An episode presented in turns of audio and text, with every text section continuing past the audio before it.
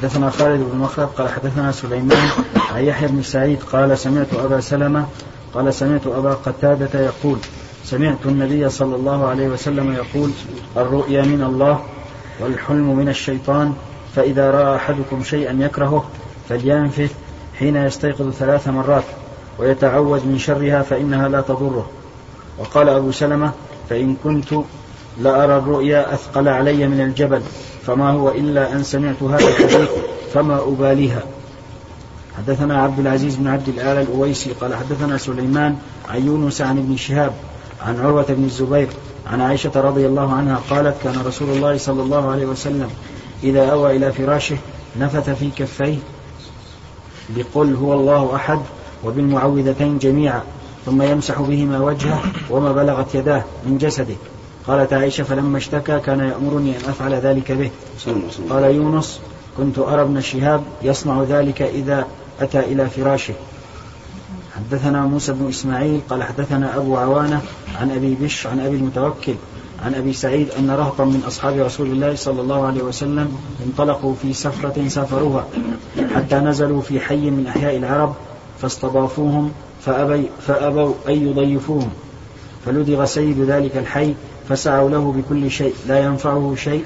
فقال بعضهم لو أتيتم هؤلاء الرهط الذين قد نزلوا بكم لعله أن يكون عند بعضهم شيء. فأتوهم فقالوا يا أيها الرهط إن سيدنا لدغ فسعينا له بكل شيء لا ينفعه شيء. فهل عند أحدكم عند أحد منكم شيء؟ فقال بعضهم نعم. والله إني لراق ولكن والله لقد استضفناكم فلم تضيفونا. فما أنا براق لكم حتى تجعلوا لنا جعلا. فصالحوهم على قطيع من الغنم فانطلق فجعل يكفل ويقرأ الحمد لله رب العالمين. حتى لكأنما نشط من عقال. نشط. لكأنما نشط من عقال. فانطلق يمشي ما به قلبه. قال فأوقفوا فأوفوهم جعلهم. الذي صالحوهم عليه فقال بعضهم اقسموا. فقال الذي رقى لا تفعلوا حتى نأتي رسول الله صلى الله عليه وسلم فنذكر له. الذي كان. فنظر فننظر ما يأمرنا. فقدموا على رسول الله صلى الله عليه وسلم فذكروا له فقال وما يدريك أنها رقية؟ أصبتم. اقسموا واضربوا لي معكم بسهم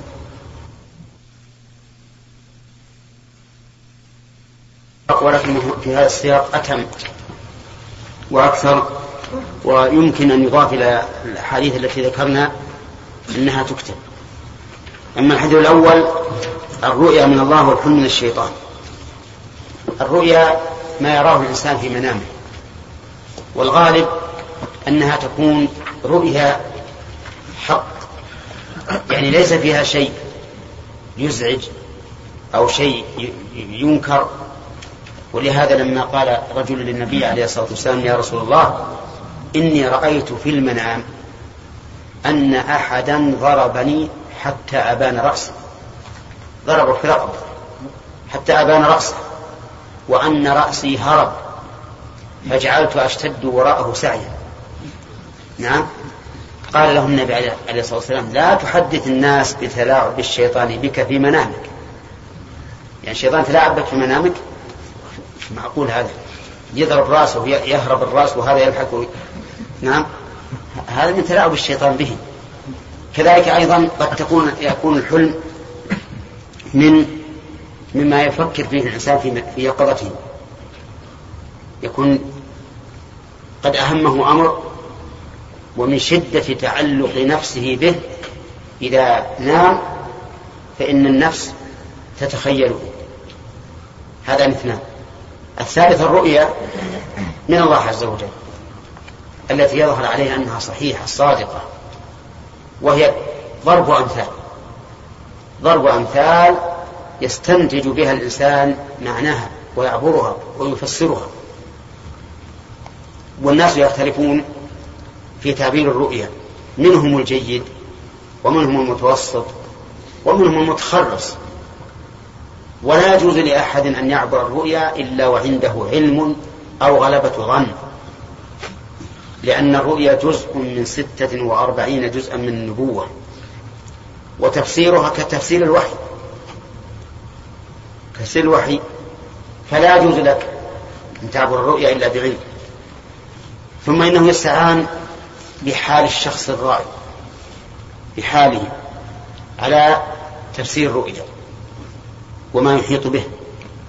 ولهذا ربما يرى رجلان رؤيا واحدة نفسرها لآخر لشخص بشيء ولآخر بشيء آخر. بشيء آخر. رأى النبي صلى الله عليه وسلم قبيل خروجه إلى أحد. رأى بقرا تنحر ورأى في سيفه ثلمة. رؤيا.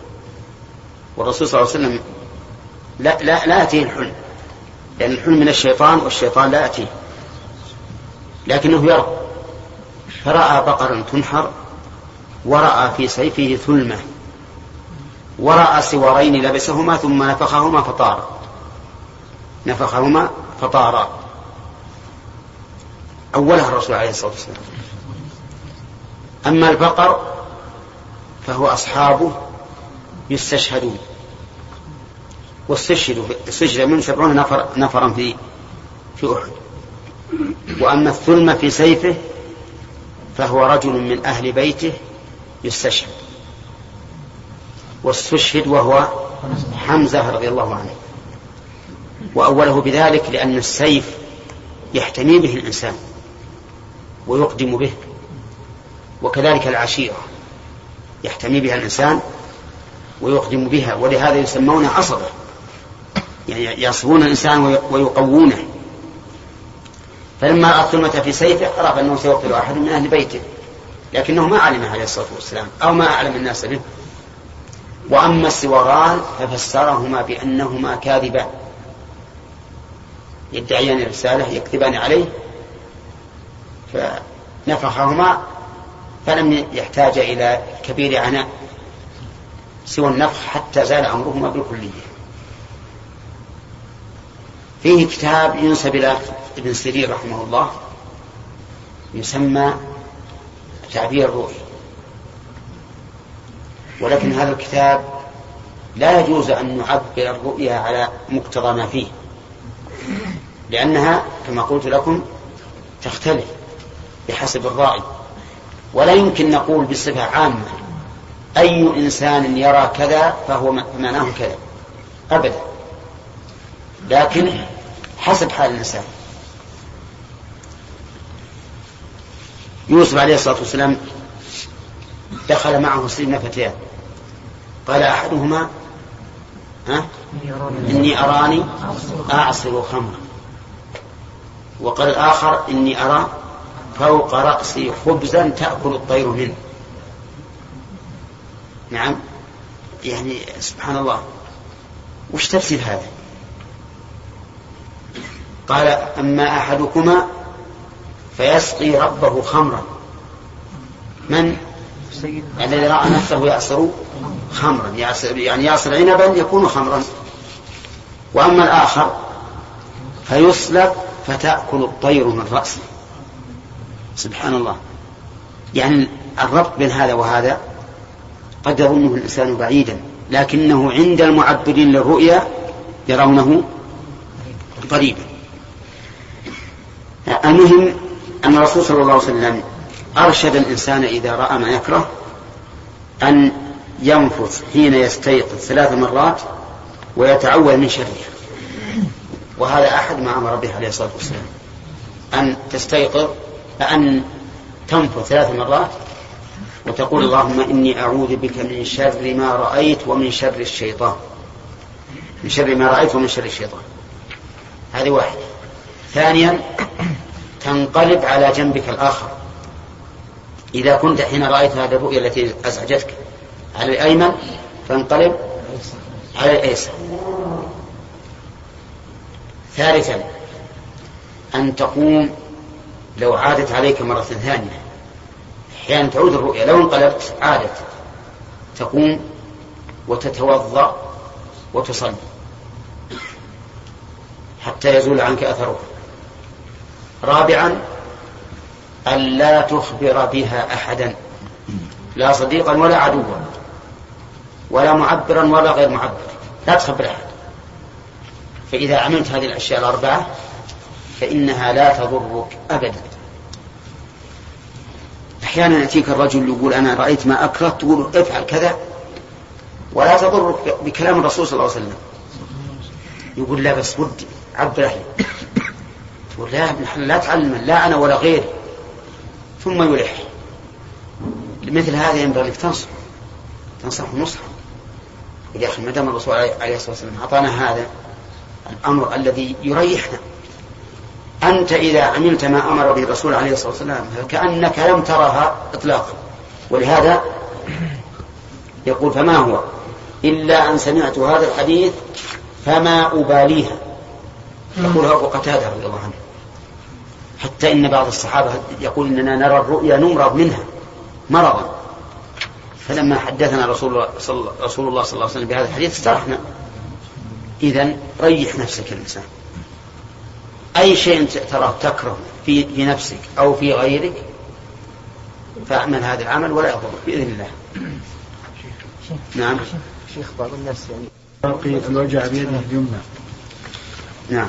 باب مسح الراقي الوجع بيده اليمنى.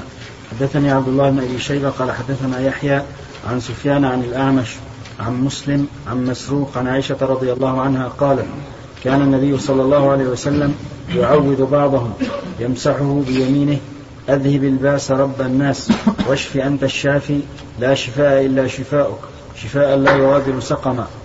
فذكرته لمنصور فحدثني عن إبراهيم عن منصور عن عائشة رضي الله عنها بنحوه. باب المرأة ترك المرأة ترك الرجل. حدثني عبد الله بن محمد الجعفي قال حدثنا هشام قال أخبرنا معمر عن الزهري عن عروة عن عائشة رضي الله عنها أن النبي صلى الله عليه وسلم كان ينفث على نفسه في مرضه الذي قبض فيه بالمعوذات فلما ثقل كنت أنا أنفث عليه بهن فأمسح بيد نفسه لبركتها فسألت ابن شهاب كيف كان ينفث؟ قال ينفث على يديه ثم يمسح بهما وجهه. باب من لم يرق. حدثنا مسدد قال حدثنا حسين بن نمير عن حسين بن عبد الرحمن عن سعيد بن جبير عن ابن عباس رضي الله عنهما قال خرج علينا النبي صلى الله عليه وسلم يوما فقال عرضت علي الأمم فجعل يمر النبي معه الرجل والنبي معه الرجلان والنبي معه الرهط والنبي ليس معه أحد ورأيت سوادا كثيرا سد الأفق فرجوت أن تكون أمتي فقيل هذا موسى وقومه. ثم قيل لي انظر فرأيت سوادا كثيرا سد الأفق. فقيل لي انظر هكذا وهكذا. فرأيت سوادا كثيرا سد الأفق. فقيل هؤلاء أمتك. ومع هؤلاء سبعون ألفا يدخلون الجنة بغير حساب. فتفرق الناس ولم يبين لهم. فتذاكر أصحاب النبي صلى الله عليه وسلم فقالوا أما نحن فولدنا في الشرك ولكننا آمنا بالله ورسوله. ولكن هؤلاء هم أبناؤنا. بلغ النبي صلى الله عليه وسلم فقال هم الذين لا يتطيرون ولا يكتوون ولا يسترقون وعلى ربهم يتوكلون. فقام فقام عكاشة بن محصن فقال أمنهم أنا يا رسول الله؟ قال نعم. فقام آخر فقال أمنهم أنا؟ فقال سبقك بها عكاشة. هذا الحديث سبق وظاهر صنيع البخاري الإشارة إلى إلى الرواية التي وقعت في مسلم. ولا يرقون يعني قال باب من لم يرقي ولم يقل باب من لم يسترق. ولكن هذه الرواية في مسلم ليست بصحيحة. ضعيفة وهم من الراوي. لأن الذين لا, لا يقول ليس لأن عدم الرقي على الغير ليس صفة مدح. ولا صفة يرتقي بها الإنسان إلى أعالي الدرجات لأن الرقية على الغير من باب الإحسان إليه. والنبي صلى الله عليه وسلم كما سمعتم يقرأ وكذلك أيضا الرقية على النفس كان يقع على نفسه عليه الصلاة والسلام. فالصواب أن قوله أو أن ما روي عن النبي عليه الصلاة والسلام أنه قال لا يقول أنه, أنه لا أصل له وأن الصواب لا يسترقون وبينهما فرق. فالاسترقاء طلب الرقية والرقية أن يقرأ الإنسان على نفسه أو على غيره. شوف ترجمة شرحها. قوله باب من لم يرقي هو بفتح أوله وكسر القاف مبنيا للفاعل وبضم أوله وفتح القاف مبنيا للمفعول. قوله إيش؟ من لم يرقى. بضم وبضم أوله. يرقى. بس الأولى يا شيخ فتح الفتح. ذكر روايتان. هو اللي عندنا الآن من لم يرق. نعم هذا اللي أثبتها قالوا لكن وضبطه الآن اقرأ اقرأ. نعم آه. باب من لم يرقي طيب بفتح هو بفتح أوله. نعم. وكسر القاف مبنية للفاعل. زين. وبضم أوله وفتح القاف مبنية للمفعول. نعم. من لم يرقى نعم. قوله حسين بن نمير بنون. أي نقرأ شيء خلاص؟ شوف الفوائد من شيء؟ قوله ولا يسترقون. والغرض منه هنا قوله هم الذين لا يطيرون. يتطيرون. أو يطيرون. يطيرون. ولا يكتمون ولا يسترقون. فأما الطيرة فسيأتي ذكرها بعد هذا. وأما الكي فتقدم ذكر ما فيه هناك. وأما الرقية فتمسك بهذا الحديث من كره الرقى والكي من بين سائر الأدوية وزعم أنها أنهما قادحان في التوكل. دون غيرهما وأجاب العلماء عن ذلك بأجوبة. أحدها قاله الطبري والمازري والمازري وطائفة أنه محمول على من جانب اعتقاد الطبائعيين في أن الأدوية تنفع بطبعها كما كان أهل الجاهلية يعتقدون. وقال غيره الرقى التي يحمد تركها ما كان من كلام الجاهلية ومن الذي لا يعقل معناه لاحتمال أن يكون كفرا بخلاف الرقى بالذكر ونحوه. وتعقبه عياض وغيره بأن الحديث يدل على أن للسبعين للسبعين ألفا مزية على غيرهم وفضيلة انفردوا بها عمن شاركهم في أصل الفضل والديانة. ومن كان يعتقد أن الأدوية تؤثر بطبعها أو يستعمل رقى الجاهلية ونحوها فليس مسلما. فلم يس فلم يسلم, يسلم هذا الجواب. ثانيها قال الداودي وطائفة إن المراد بالحديث الذين يجتنبون فعل ذلك في الصحة خشية وقوع الداء. وأما من يستعمل الدواء بعد وقوع الداء به فلا. وقد قدمت هذا عن ابن قتيبة وغيره في باب من في باب من اكتوى. وهذا اختيار ابن عبد البر غير أنه معترض بما قدمته من ثبوت الاستعاذة قبل وقوع الداء. نعم. صحيح. تقول واضح الاعتراض. نعم. ثالثها قال الحليمي يحتمل أن يكون المراد بهؤلاء المذكورين في الحديث من غفل عن أحوال الدنيا وما فيها من الأسباب المعدة لدفع العوارض فهم لا يعرفون الاكتواء ولا الاسترقاء وليس لهم ملجأ وليس لهم ملجأ فيما يعتريهم إلا الدعاء والاعتصام بالله. والاعتصام بالله والرضا بقضاء بقضائه. فهم غافلون عن طب الأطباء ورقى الرقاة ولا يحسنون من ذلك شيئا والله أعلم. رابعها أن المراد بترك الرقى والكي الاعتماد على الله في دفع الداء والرضا بقدره لا القدح في جواز ذلك لثبوت وقوعه في الأحاديث الصحيحة. لا القدح في جواز ذلك لثبوت وقوعه في الأحاديث الصحيحة وعن السلف الصالح لكن لكن مقام الرضا والتسليم أعلى من تعاطي الأسباب. وإلى هذا نحى الخطابي ومن تبعه. قال ابن الأثير هذا من صفة الأولياء المعرضين عن الدنيا وأسبابها وعلائقها. وهؤلاء هم خواص الأولياء. ولا يرد على هذا وقوع ذلك من النبي صلى الله عليه وسلم فعلا وأمرا لأنه كان في أعلى مقامات العرفان ودرجات التوكل فكان ذلك منه للتشريع وبيان الجواز نعم. ومع ذلك فلا ينقص ذلك من توكله لأنه كان كامل التوكل يقينا فلا يؤثر فيه تعاطي الأسباب شيئا بخلاف غيره ولو كان كثير التوكل. لكن من ترك الأسباب وفوض وأخلص في ذلك كان أرفع مقاما. قال الطبري قيل لا يستحق التوكل إلا من لم يخالط قلبه خوف من شيء البتة حتى السبع الضاري والعدو العادي ولا من لم يس ولا من لم يسعى في طلب رزق ولا في مداواة ألم. والحق أن من أن من وثق بالله وأيقن أن قضاءه عليه. ماض لم يقدح في توكله. تعاطيه الأسباب. تعاطيه, تعاطيه الأسباب. اتباعا لسنته. لسنته وسنة رسوله. فقد ظهر صلى الله عليه وسلم في الحرب بين درعين ولبس على رأسه المغفر وأقعد الرماة على فم الشعب وخندق حول المدينة وأذن في الهجرة إلى الحبشة وإلى المدينة وهاجر هو وتعاطى أسباب الأكل والشرب وادخر لأهله قوتهم ولم ينتظر أن ينزل عليه من السماء. وهو كان أحق الخلق أن يحصل له ذلك. وقال الذي سأله أعقل ناقتي أو أداوها قال أعقلها وتوكل. فأشار إلى أن الاحتراز لا يدفع التوكل. والله أعلم.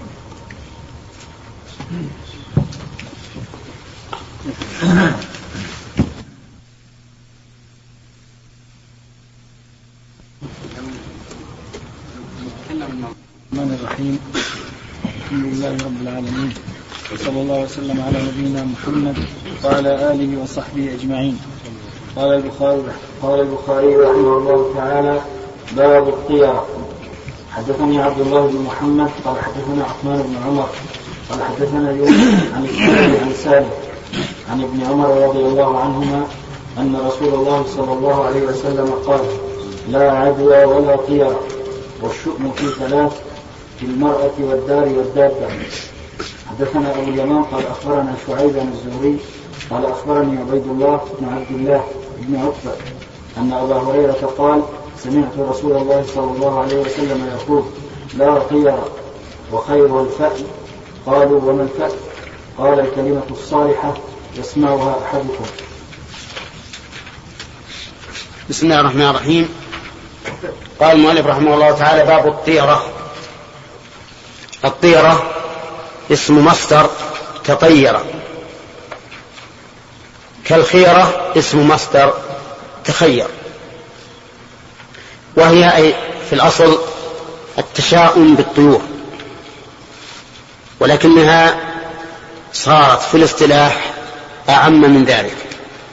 فهي التشاؤم بمرئي أو مسموع أو زمان أو مكان. بمرئي أو آه، هي التشاؤم بمرئي أو مسموع أو زمان أو مكان. فالمرئي مثل أن يرى شيئا فيتشاءم والمسموع يسمع صوتا يقول مثل يا رابح يا خاسر وما أشبه ذلك فيتشاءم. والزمان كأن يتشاءم بيوم من الأيام أو شهر من الأشهر أو ما أشبه هذا. والمكان أن يتشاءم ببقعة معينة. والأصل فيها أنها أنها حرام. بل بل ورد عن الرسول عليه الصلاة والسلام أنها من الشرك. لأن الإنسان إذا علق قلبه بغير الله في مثل هذه الأمور تعب. يتعب ويلحقه من من الوساوس والهموم والغموم ما يضره في تصرفه. والشارع يريد من أبناء من أبناء الإسلام أن يكونوا دائما في انشراح صدر وسعة نفس حتى تكون الدنيا أمامهم مفتوحة لا مغلقة بالإحسان والهموم والغموم. وهنا يقول الرسول عليه الصلاة والسلام لا عدوى وسبق الكلام عليها ولا طيرة يعني لا شيء يتشاءم به ويتطير به ولا والشؤم في ثلاث في المرأة والدار والدابة يعني أنه قد يكون الشؤم من غير تشاؤم بهذه الأشياء. في الدار في المرأة والدار والدابة المرأة ربما يتزوج إنسان بامرأة ثم يجد منها نكدا وتعبا في ماله وفي فكره وفي بدنه.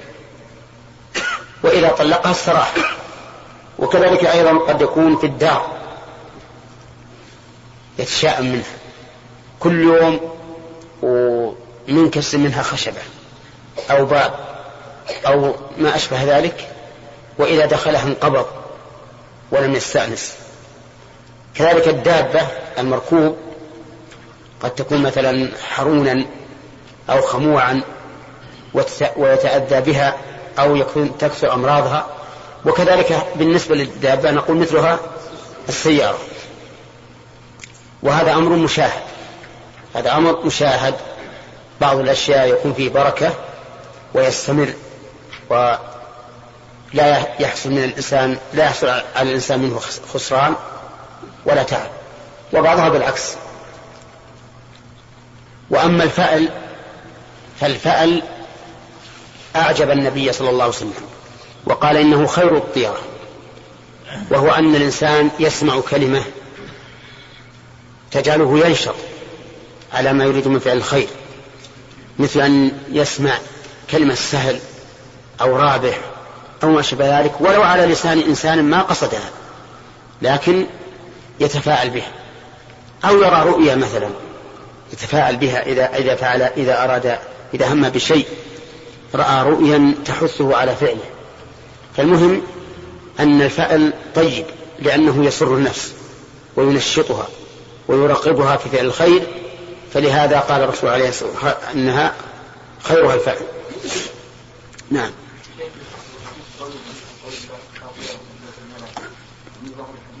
الشؤم. لا لا الشؤم أنه في ثلاث. ظاهره في هذه الثلاث فقط.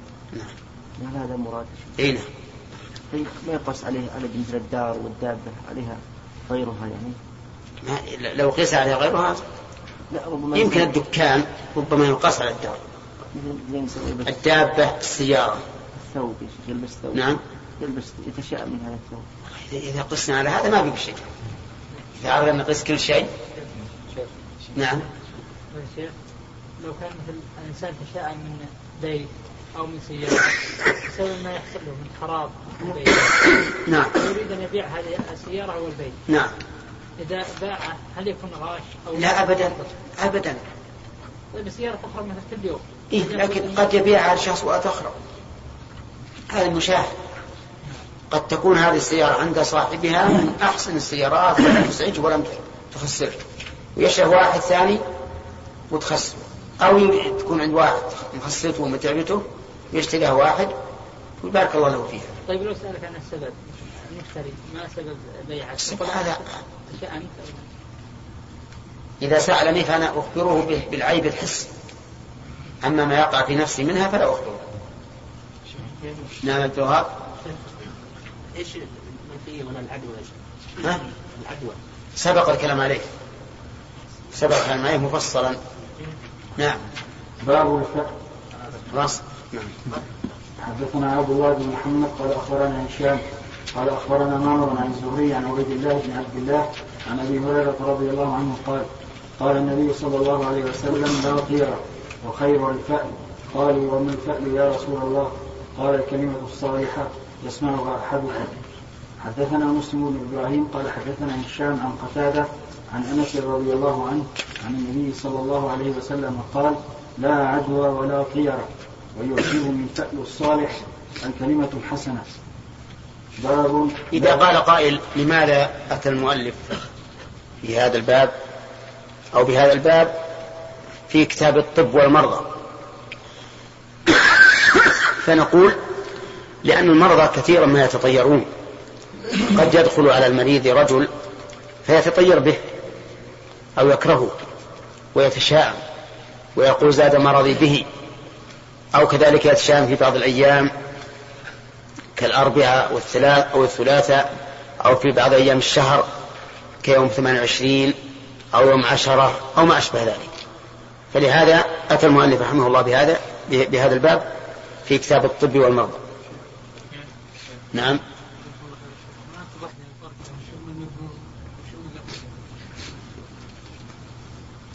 يعني الرسول يقول إن كان الشؤم ما هو هذا شؤم مؤكد؟ يعني إن كان الشؤم ففي, ففي هذه الأشياء. نعم. إي نعم نعم. أنا إذا رأيت مثل هذه السيارة كل يوم مثل يفسد فيها شيء تشامت منها وعرفت إن هذه ما فيها فائدة لي فأبيعها. وكذلك الدار وكذلك المرأة. هذا معنى. ها؟ المذموم اللي ما له اصل يرى مثلا إنسان رجلا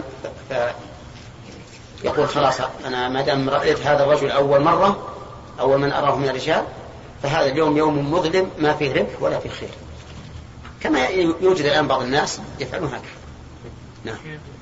نعم. خلاص. نعم. خالد.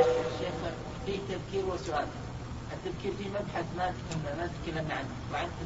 وهو؟ وهو مبحث العدوى. نعم. هو تعاطي الدواء تعاطي الدواء لمن بقي في الأرض التي فيها طاعون. هل يتعاطى الدواء ويعدها التوكل أم لا؟ هذا مبحث أما السؤال.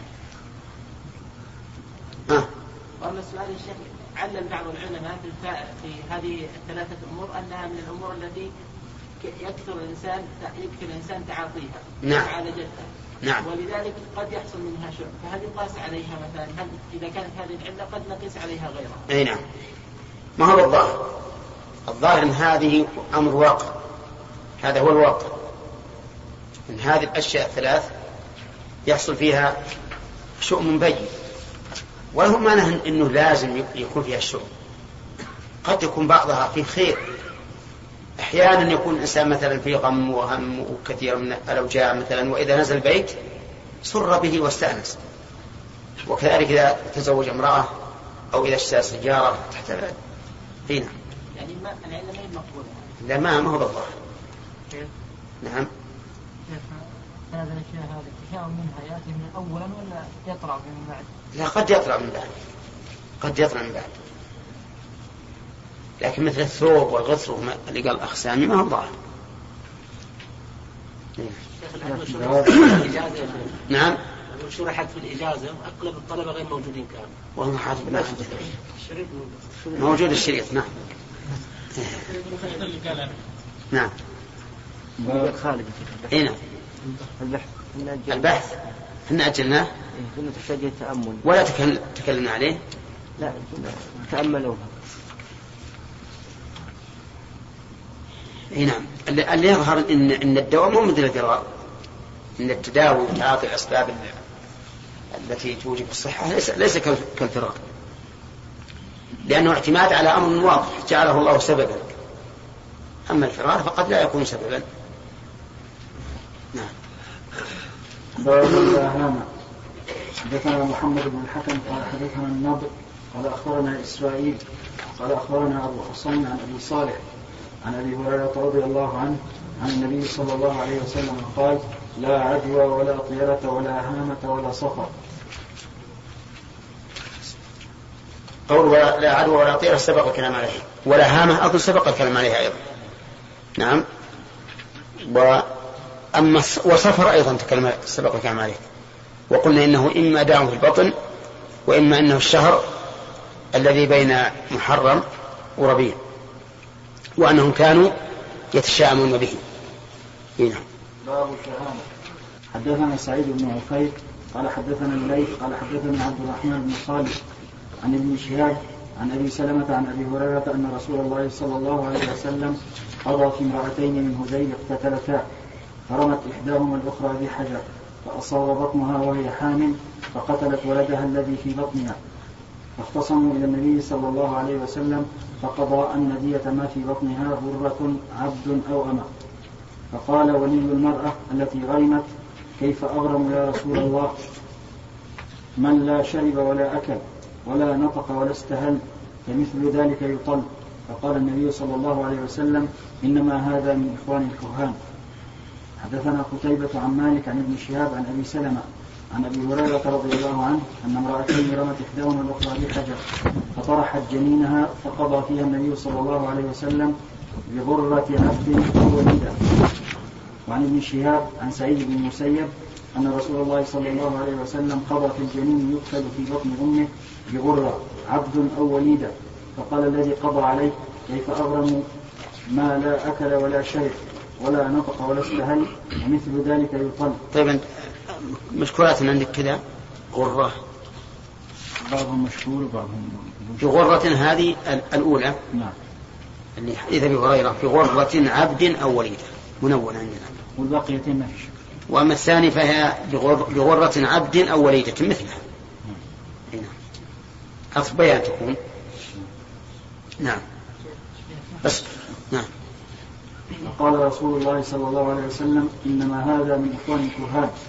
حدثنا عبد الله بن محمد قال حدثنا ابن عيينة عن الزهري عن أبي بكر بن عبد الرحمن بن الحارث عن أبي مسعود.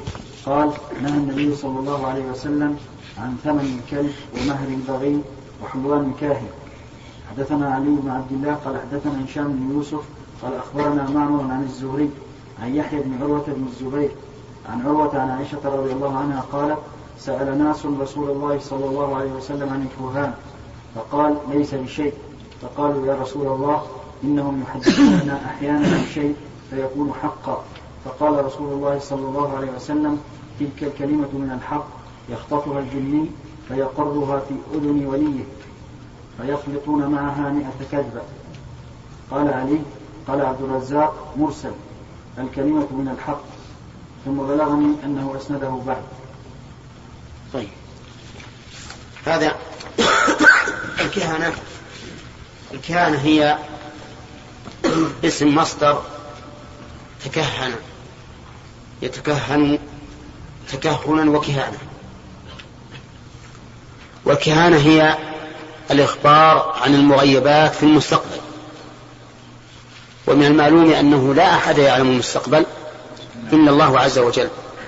كما قال تعالى وما تدري نفس ماذا تكسب غدا وقال تعالى قل لا يعلم من في السماوات والأرض الغيب إلا الله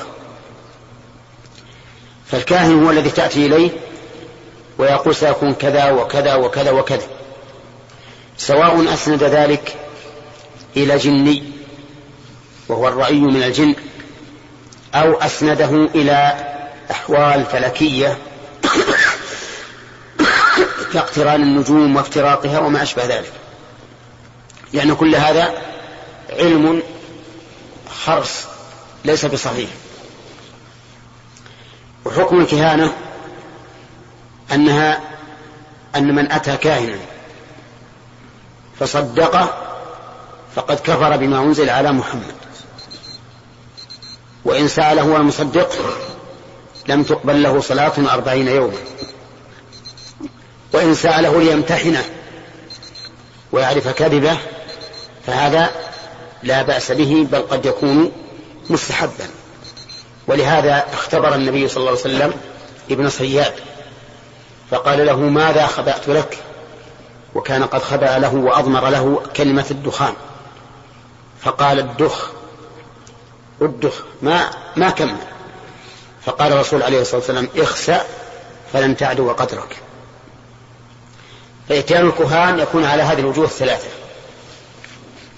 الأول أن يكون من أجل إظهار كذبهم وفشلهم فهذا جائز وقد يكون مطلوبا. والثاني أن يأتيهم ويسألهم بدون أن يصدقهم ويركن إليهم فهذا حرام.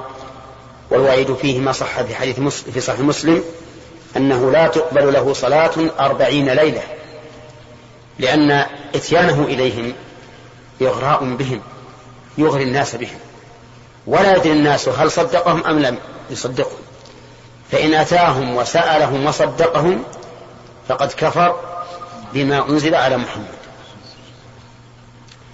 نعم عندكم تعريف الكاهن؟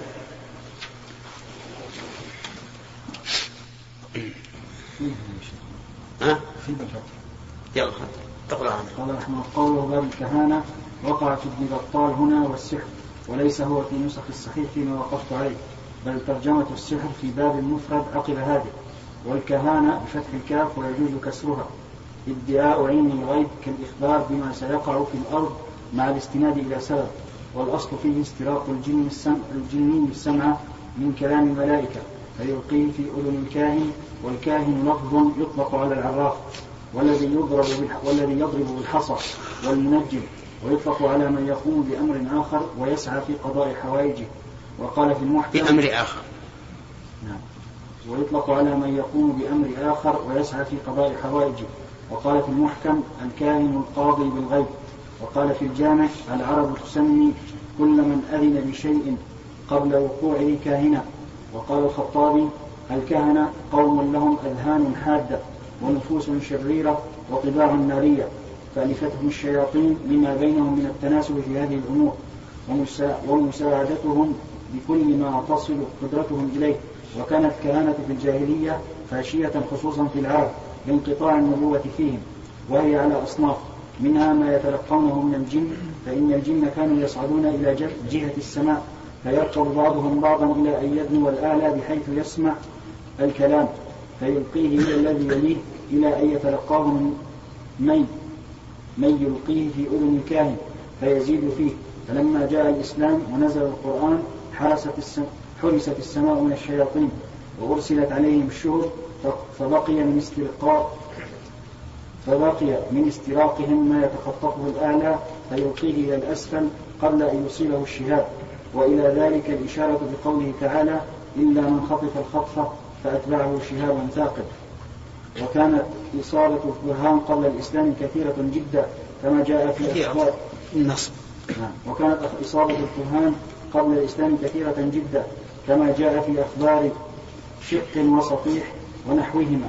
وأما في الإسلام فقد ندر ذلك جدا حتى كاد يضمحل ولله الحمد. ثانيها ما يخبر الجني به من يواليه بما غاب عن غيره مما لا يطلع عليه الإنسان غالبا أو يطلع عليه من قرب من قرب منه لا من بعد. ثالثها ما يستند إلى ظن وتخمين وحدس. وهذا قد يجعل الله فيه ببعض الناس قوة مع كثرة الكذب فيه. رابعها ما يستند إلى التجربة والعادة فيستدل على الحادث بما وقع قبل ذلك. ومن هذا القسم الأخير ما يضاهي السحر وقد يعتضد بعضهم في ذلك بالزجر. والطرق والنجوم وكل ذلك مذموم شرعا وورد في ذم الكهانة ما أخرجه أصحاب السنن وصححه الحاكم من حديث أبي هريرة رفعه من أتى كاهنا أو عرافا فصدقه بما يقول فقد كفر بما أنزل على محمد وله شاهد من حديث جابر وعمران بن حسين أخرجهما البزار بسندين جيدين ولفظهما من أتى كاهنا وأخرجه مسلم مسلم من حديث امرأة من أزواج النبي صلى الله عليه وسلم ومن الرواة من سماها حفصة بلفظ من أتى عرافا وأخرجه أبو يعلى من حديث ابن مسعود بسند جيد لكن لم يصرح برفعه.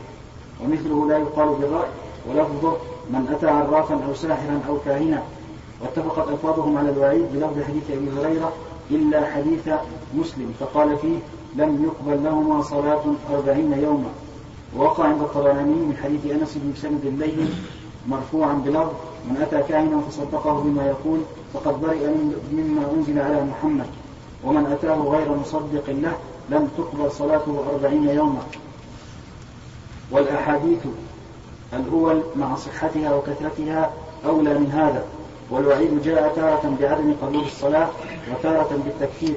فيحمل حالين فيحمل على حالين من الآتي أشار إلى ذلك القرطبي والعراف بفتح المهملة وتشديد الراء من يستخرج الوقوف على المغيبات بضرب من فعل أو قول ثم ذكر المصنف ثلاثة أحاديث أحدها حديث أبي هريرة.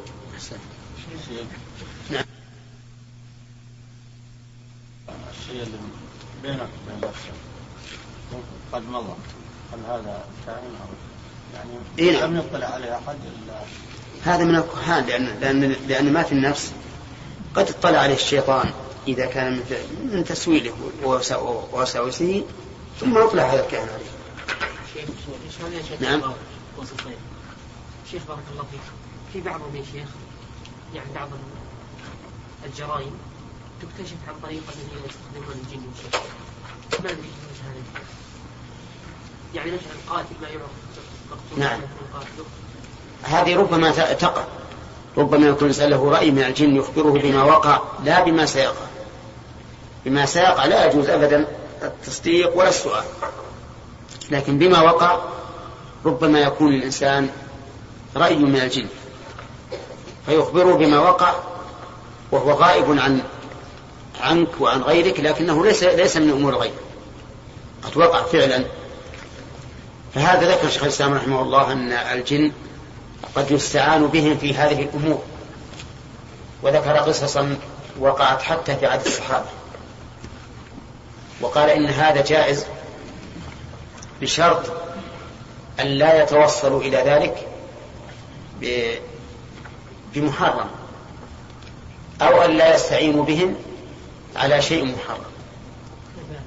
فمن الأول أن لا يصل إلى ذلك إلا بمحرم مثل أن يقولوا نحن لا نجيب لك لا نأتي لك بالأخبار إلا إذا ذبحت لنا. أو يقول مثل الجني لامرأة عشقها أنا لا أجيب لا أتي لك بالأخبار إلا إذا مكنتيني من نفسك. أو أو بالعكس فهذا يكون حراما أما أن أما أن يستعين بهم على محرم فمثل أن يستعين بهم على إفساد أموال الناس. أو على سرقتها. وما أشبه ذلك. قد يستعين بالجن على إفساد أموال الناس مثل أن يستعين به على أن يحرق هذا الدكان أو هذا البيت أو على أن يصيح بإبله حتى تنفر أو يأتي له بمال بمال له يأتي له بمال. والجن ربما يأتي بالشيء بدون أن يعلم صاحبه. قال عفريت من الجن أنا آتيك به قبل أن تقوم من مقامك. بياخذ عرش المرأة المالكة عرش بلقيس ويجيبه وربما نعم فهذا محرم. أما إذا استعان به عن طريق مباح على شيء مباح. فيقول شيخ الإسلام أنه لا بأس به. وذكر عن امرأة كانت في المدينة كان لها رأي من الجن وأن عمر بن الخطاب رضي الله عنه تأخر. ذات مرة في بعض أسفاره فضاقت صدور الناس. فذهبوا إلى هذه المرأة وقالت لها وقالوا لها نريد أن نعلم الخبر عن أمير المؤمنين.